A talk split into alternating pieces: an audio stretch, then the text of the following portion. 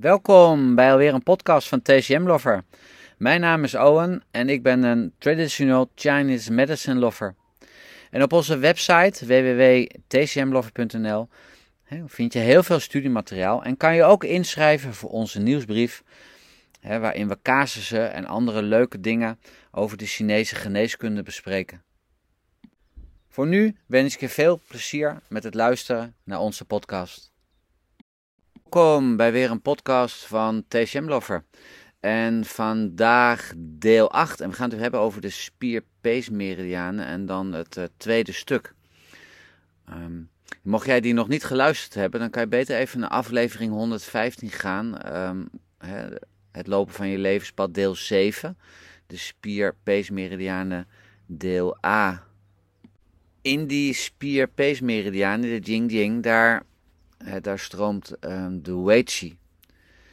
En wat ik in de vorige podcast ook heb verteld, is dat jouw Weiqi eigenlijk reageert op alle aspecten, dingen die van buitenaf gebeuren. Dus je kan in die zin zou je zo kunnen zeggen dat jij, als er iets gebeurt of een emotie of een situatie triggert jou, um, ja, dat dan je systeem gaat verstrakken. Dat die stroming van die Weiqi op een of andere manier zou um, stagneren. En iedereen heeft natuurlijk zijn eigen niveau, zijn eigen level waarop dit gebeurt. Iedereen is anders, iedereen is uniek. Sommige mensen maken vervelende dingen mee in hun kinderjaren, anderen weer niet. Het kan overgeërfd zijn. Maar soms kan het ook iets heel iets kleins zijn. Ik weet mij nog zelf te herinneren dat ik toen ik zeven was, dat ik toen bij de oogarts kwam en dat die oogarts tegen me zei: Hé, hey, jij bent Nienke dus die oogarts dacht dat ik een meisje was. En dat vond ik zo verschrikkelijk naar, want ik was toch een, echt een jongen. En het gevolg daarvan is, is dat ik eigenlijk mijn haar sindsdien, want toen ik bij die oogarts kwam was mijn haar redelijk lang in die tijd. En dat ik mijn haar heb gemillimeterd. Zodra er dus een krulletje bij mij tevoorschijn kwam, ging ik naar de kapper toe. En ja, ik liet me eigenlijk een soort militair kapsel aanmeten wat voor mij het beeld was van, nou, nu ben ik tenminste een jongen. Dus kan je nagaan dat één opmerking eigenlijk de rest van je leven ehm, bij jou kan blijven. En iedereen reageert natuurlijk weer op zijn of op haar ehm, eigen manier. En het is natuurlijk een uitnodiging om te gaan kijken van wat doet jouw Weichi, wat doet jouw Weichi daar waar je woont in je werksituatie. Ehm, woon je in een stressvolle stad en merk je dat je gespannen over straat loopt? Ga daar eens naartoe op onderzoek. van, wat, van, wat, van wat triggert jou? het kan ook een situatie zijn in de, in de supermarkt. En dan op zoek gaan naar van wat ligt daar dan achter. En omdat het vaak moeilijk is, of soms voor je gevoel onmogelijk is, om die wereld of die woonsituatie werksituatie om jou heen te veranderen.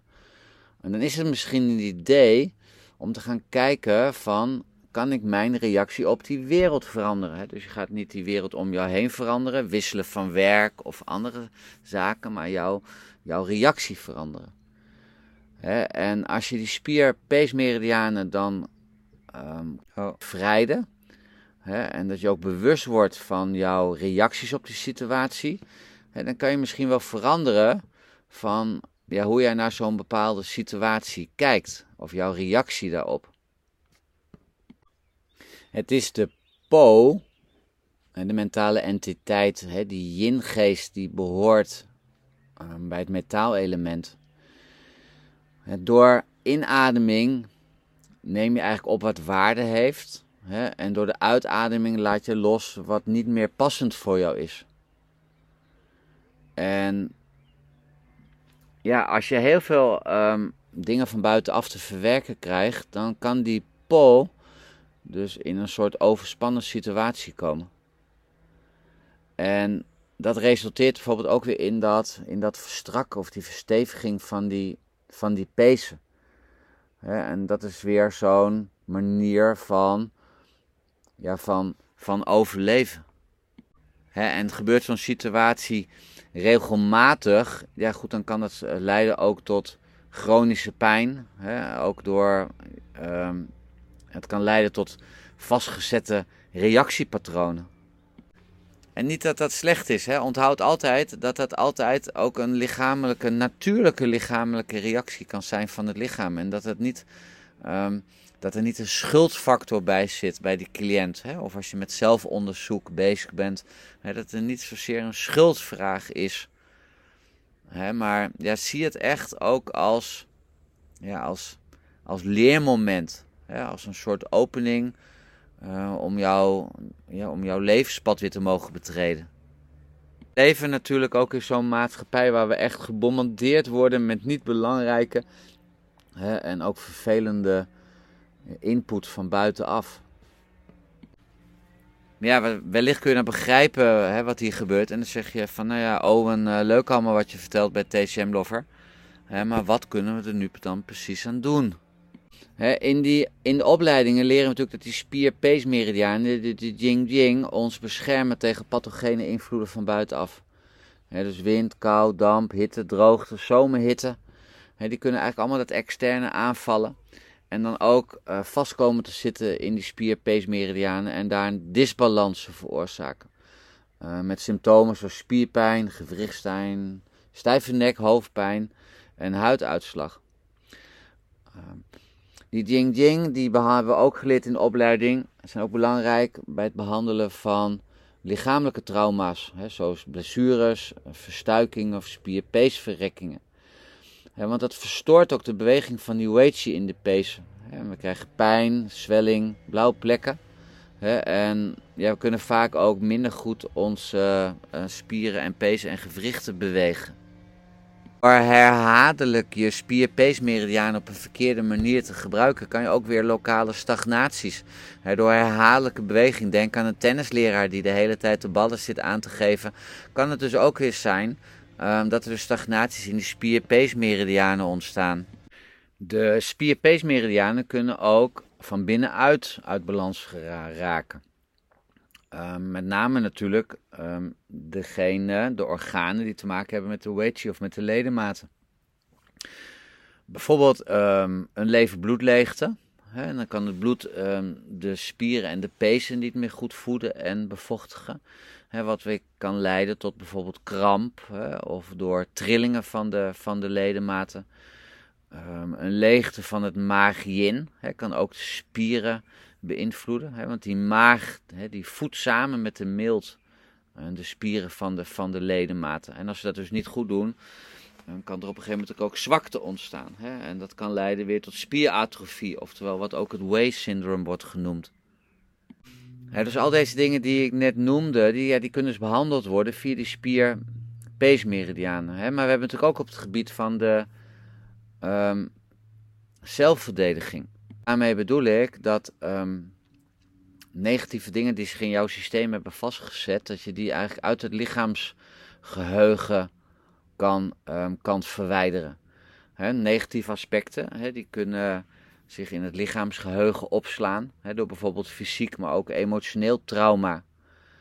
dus die spier-peesmeridianen die kan je dus gebruiken om bepaalde structurele, maar ook bepaalde aangeleerde houdingspatronen te veranderen.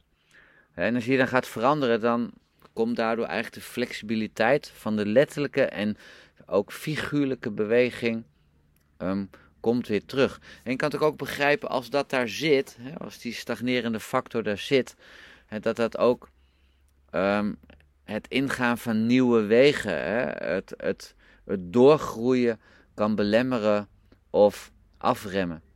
En dus in die zin um, kan je via die spier-peesmeridianen ook stemmingswisselingen behandelen. Stemmingswisselingen plaatsen wij vaak bij een lever stagnatie met het humeur, de lever die um, zijn we gewoon stagneert. maar ook die stemmingswisselingen kunnen ze ook op spier-peesmeridiaan niveau, van het weetje stroomt en dan weer wel en dan weer niet. He, maar is eigenlijk ook een vorm van de vrije stroom van chi die natuurlijk onderbroken wordt. Ik noemde net al die, um, die externe pathogene factoren, bijvoorbeeld uh, wind, damp, um, koude. Maar denk bijvoorbeeld ook aan um, geluiden, aan geur, aan bepaald voedsel hè, of bepaalde visuele beelden die via de ogen binnenkomen. Hè, en die ook weer bepaalde latente gevoelens die in je systeem aanwezig zijn kunnen, kunnen, kunnen oproepen. En daardoor kunnen ook die spieren en pezen ook in de overlevingsmodus gaan. Dus die externe pathogenen die kan je dus ook breder zien dan alleen maar de wind, koude damp en de droogte. Dat soort zaken. Maar ook een geur, ook een bepaald geluid, ook een bepaald voedsel, ook een bepaald visueel beeld kan ervoor zorgen dat die spierpeesmeridianen in een overlevingsmodus gaan. En dat kan dus dezelfde symptomen in de spierpezen veroorzaken als externe pathogene factoren. Als dan bijvoorbeeld een cliënt bij jou in de praktijk komt en die heeft pijn in de nek, maar er ontbreken de rest van de factoren, bijvoorbeeld uh, zeg maar een, een loopneus of een verkoudheidsgevoel, dan zou het dus kunnen zijn dat het dus niet de windkoude is, maar dat het dus een, een emotioneel gebeuren is geweest wat die pijn in de nek heeft veroorzaakt. Trauma bijvoorbeeld, als je valt, die denk aan die verzwikte enkel, die kan lokale chi- en bloedstagnatie veroorzaken. Maar ook emotioneel trauma kan dat veroorzaken. Want het lichaam die gaat die negatieve ervaring proberen weg te houden van het hart. en dat wordt dan in het lichaamsgeheugen opgeslagen, maar dat geeft ook een soort bloedstase en een chi-stagnatie. Andersom geredeneerd, als iemand al heel langdurige chronische pijn heeft, ja goed, dan geeft dat natuurlijk ook een, uh, ja, dat heeft ook een emotionele koppeling. En daarom zie je ook vaak dat mensen met, uh, ja, met ernstige pijn ook vaak die, ja, die moedswings hebben die we ook weer terugzien bij bijvoorbeeld die levensstagnatie. Maar in dit geval veel meer gekoppeld aan, aan een emotioneel trauma. dus de uitnodiging aan jou als therapeut is om dus te bekijken uh, of er ook dus een emotionele koppeling aan vastzit. Als je een deel van je lichaam veel gebruikt, wat ik net al gaf uh, als voorbeeld met die, uh, met die tennisleraren, die spierpezen die raken gewend aan die bewegingen. En hoe meer dat er gewoond is, dan kan er ook uh, minder flexibiliteit in die spierpezen ontstaan. Dus je maakt alleen maar zeer zeker een eenzijdige beweging. Je gaat ook vertrouwen op, die, ja, op, dat, op, op dat soort bewegingen. Hè? En je gaat ook je lichaam gaat zich ook schrap zetten hè, om um, dat lichaam te ondersteunen hè, bij die overmatige bewegingen. En ja, daar kan je zeer bedreven um, in worden. Je merkt het zelf eigenlijk helemaal niet dat je steeds maar met die repeterende bewegingen bezig bent. Als je bijvoorbeeld veel tijd achter de computer doorbrengt, hè, of je neemt heel veel informatie op, um, dan kan het soms ook zijn dat je bijvoorbeeld niet meer goed recht overeind kan komen. Het gaat je steeds meer moeite kosten om rechtop te staan. Want je hebt steeds maar de neiging om naar voren te leunen, ook naar dat scherm toe. Wat ook weer die longchi blokkeert, wat ook weer die doorstroming van die weichi blokkeert. Maar ook dit is eigenlijk een soort een, ja, een overgebruik van een, van een bepaalde houding. Je gaat je, je gaat je schrap zetten in de bovenrug en in die nek om die houdingsfout te compenseren. In plaats van dus om regelmatig op te staan en te bewegen, zodat je die, ja, die verstarring eigenlijk weer los kan laten. Ik was laatst nog bij een, uh, bij een gesprek en dan zag je inderdaad ook van die banken met staand werken. In sommige bibliotheken zie je het ook al dat het niet meer een tafeltje is met een stoeltje, maar dat je ook staand kan werken. En dat is in die zin dus positief, omdat die steeds weer diezelfde houding opzoeken, dus leidt tot verstarring van die spierpezen en leidt tot verstarring van die stroming van de Weichi. Ja, en achter zo'n scherm zitten, ja, je merkt vaak niet meer zo goed hoe je je voelt. Je merkt vaak ook niet meer zo wat er om je heen gebeurt. Dus eigenlijk bevind je dan eigenlijk in een, in, een soort, in een soort tunnel en je bent puur gefocust op die informatie. En die informatie neemt ook vaak weer de zelfverantwoordelijkheid weg. En dat kan ook weer een manier zijn, omdat je ergens in je systeem wel voelt dat het eigenlijk anders zou moeten. Maar dat je dus steeds die telefoon pakt, steeds achter die computer gaat zitten, omdat je die confrontatie wil um, vermijden. Kan ook zijn dat iemand veel meer een houtkarakter heeft en dat hij dus um, steeds overal van op de hoogte wil blijven, omdat hij eigenlijk klaar moet zijn um, ja, voor allerlei dingen die kunnen gebeuren. Um, dat je echt ook van, ik heb die informatie nodig, want anders kan mijn missie wel eens in gevaar komen. En ja, eigenlijk leven we met z'n allen in deze westerse maatschappij, dus in een verhoogde staat van waakzaamheid. En dat is eigenlijk ook een norm geworden. Dus op het moment dat jij afwijkt van die norm, en dan word je ook weer apart gevonden. En dat is ook wel weer van, wil je dat? En dat je denkt, oh, dat geeft mij een naar gevoel om anders te zijn. En veelal is het ook onbewust. Steeds maar dat opnemen en dat meer opnemen dan dat je eigenlijk um, kan, kan verwerken. Dus ook hier is weer die uitnodiging daar om je bewust te worden van het eventuele onvermogen om, laat het maar ontspannen noemen. van ben jij nog in staat om, jij, om jou te ontspannen? Ben jij nog bewust van het feit van hoeveel informatie jij naar binnen haalt? Op welk moment zet jij je computer uit? Op welk moment leg jij je telefoon weg? Want ja, je gaat er op een gegeven moment aan wennen en in je lichaamssysteem opnemen. en ja, dat, en dat is ook weer, eh, in deze podcast wordt het weer duidelijk. Ja, dan heb je straks op een gegeven moment wel een prijs te betalen. Oftewel, er komt ergens op een gegeven moment een klacht, hè, want jouw systeem die kan dat niet eeuwig en eeuwig volhouden. En ook intern, hè, wat ik net als voorbeeld gaf, uh, leven-bloedleegte. Het leven-bloed is niet in staat om de spieren en pezen te voeden. En als jij ergens in jouw systeem een interne disbalans hebt, dus een van je organen is niet in balans, ja, dan zou jouw lichaam er alles aan doen om dat weer in balans te brengen. En dat interne, van jouw lichaam is heel kwetsbaar voor emotionele ziekteverwekkers. Daarom probeert het lichaam dus ook die emotionele ziekteverwekkers weg te houden van het, van het interne. En als het interne disbalans moeilijk of nauwelijks te herstellen is, dan gaat het in een soort overlevingsstand. Dus die dreiging die eventueel emotioneel van aard kan zijn, en die dus niet geëlimineerd kan worden, die moet dus ergens worden opgeslagen. En dat kan dus weer het functioneren van dat orgaan nog meer verslechteren. maar dat opslaan dus en dat weghouden, dat is eigenlijk een verlichamelijking van, die, ja, van, die, van die emotie die dus steeds maar in een soort ja, hyperactief, in een hyperactieve situatie blijft. die zich steeds maar tegen jouw systeem aan blijft drukken. En dat kan dus zich ook weer opslaan op dat jing-jing, op dat niveau van die spierpezen. en dat zou je eigenlijk ook dan kunnen zien als een soort uh, jing en wei uh, disbalans.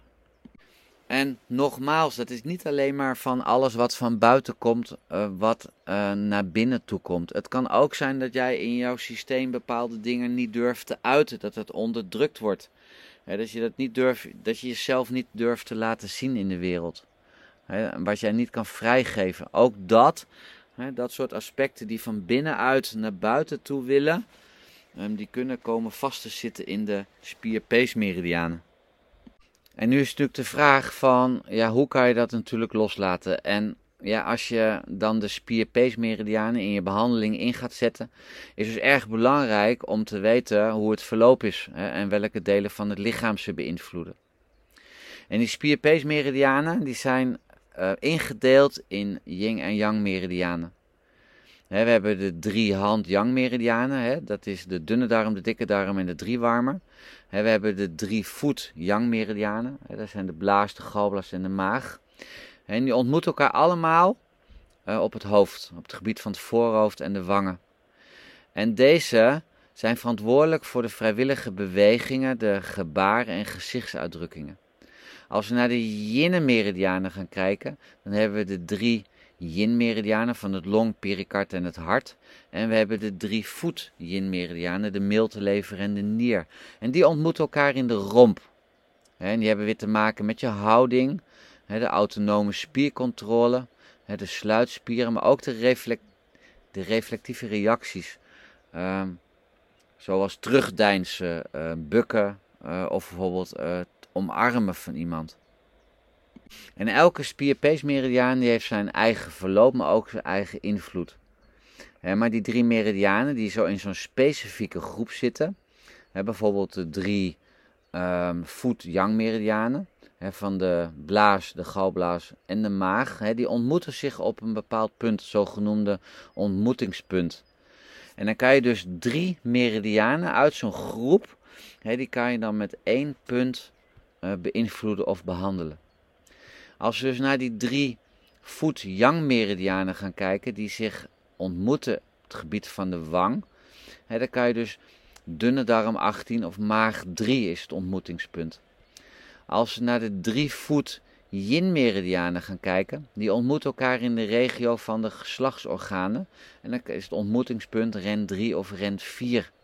Dan hebben we nog de drie hand-yang-meridianen. Dat zijn de dunne darm, de dikke darm en de driewarmer. En die ontmoeten elkaar bij maag 8 galblaas 13. En dan hebben we nog de drie jinne handmeridianen. En de long, de pericard en het hart. En die ontmoeten elkaar ehm, in het gebied van de borstkas, van het thoracale gedeelte. En dat is het ontmoetingspunt galblaas 22. En het gebruik van zo'n ontmoetingspunt um, ja, geeft je eigenlijk dus toegang dus tot eigenlijk drie meridianen die in zo'n groep zitten. En dat is voordeel dat je dus minder naalden hoeft te gebruiken. En kan er ook daarmee dus voor zorgen dat die pathogene factoren dus eigenlijk niet um, dieper het systeem ingaat. Dankjewel maar weer voor het luisteren naar uh, deze podcast. Ja, en elke keer denk ik, wow, wat is er toch uh, veel te vertellen. Ik ga graag volgende keer met jou verder van hoe kan je dus nu herkennen dat een bepaald lichaamsdeel is um, ja, verstrakt. Hè? Dat die Weiqi daar, daar, daarin vastloopt. Want als je bijvoorbeeld gaat kijken um, naar het gebied van de Taiyang-zone, dat is het gebied van de blaas en van de dunne darm, en ook het gebied van de Dumai loopt daar langs. Dan kan je je natuurlijk voorstellen als je in dat gebied um, verstrakt, dat je dat ook aan iemands houding en bewegingen kan gaan zien. Graag uh, praat ik daar de volgende keer met jou over verder. Dankjewel voor je aanwezigheid. Tot de volgende keer. Dag, dag.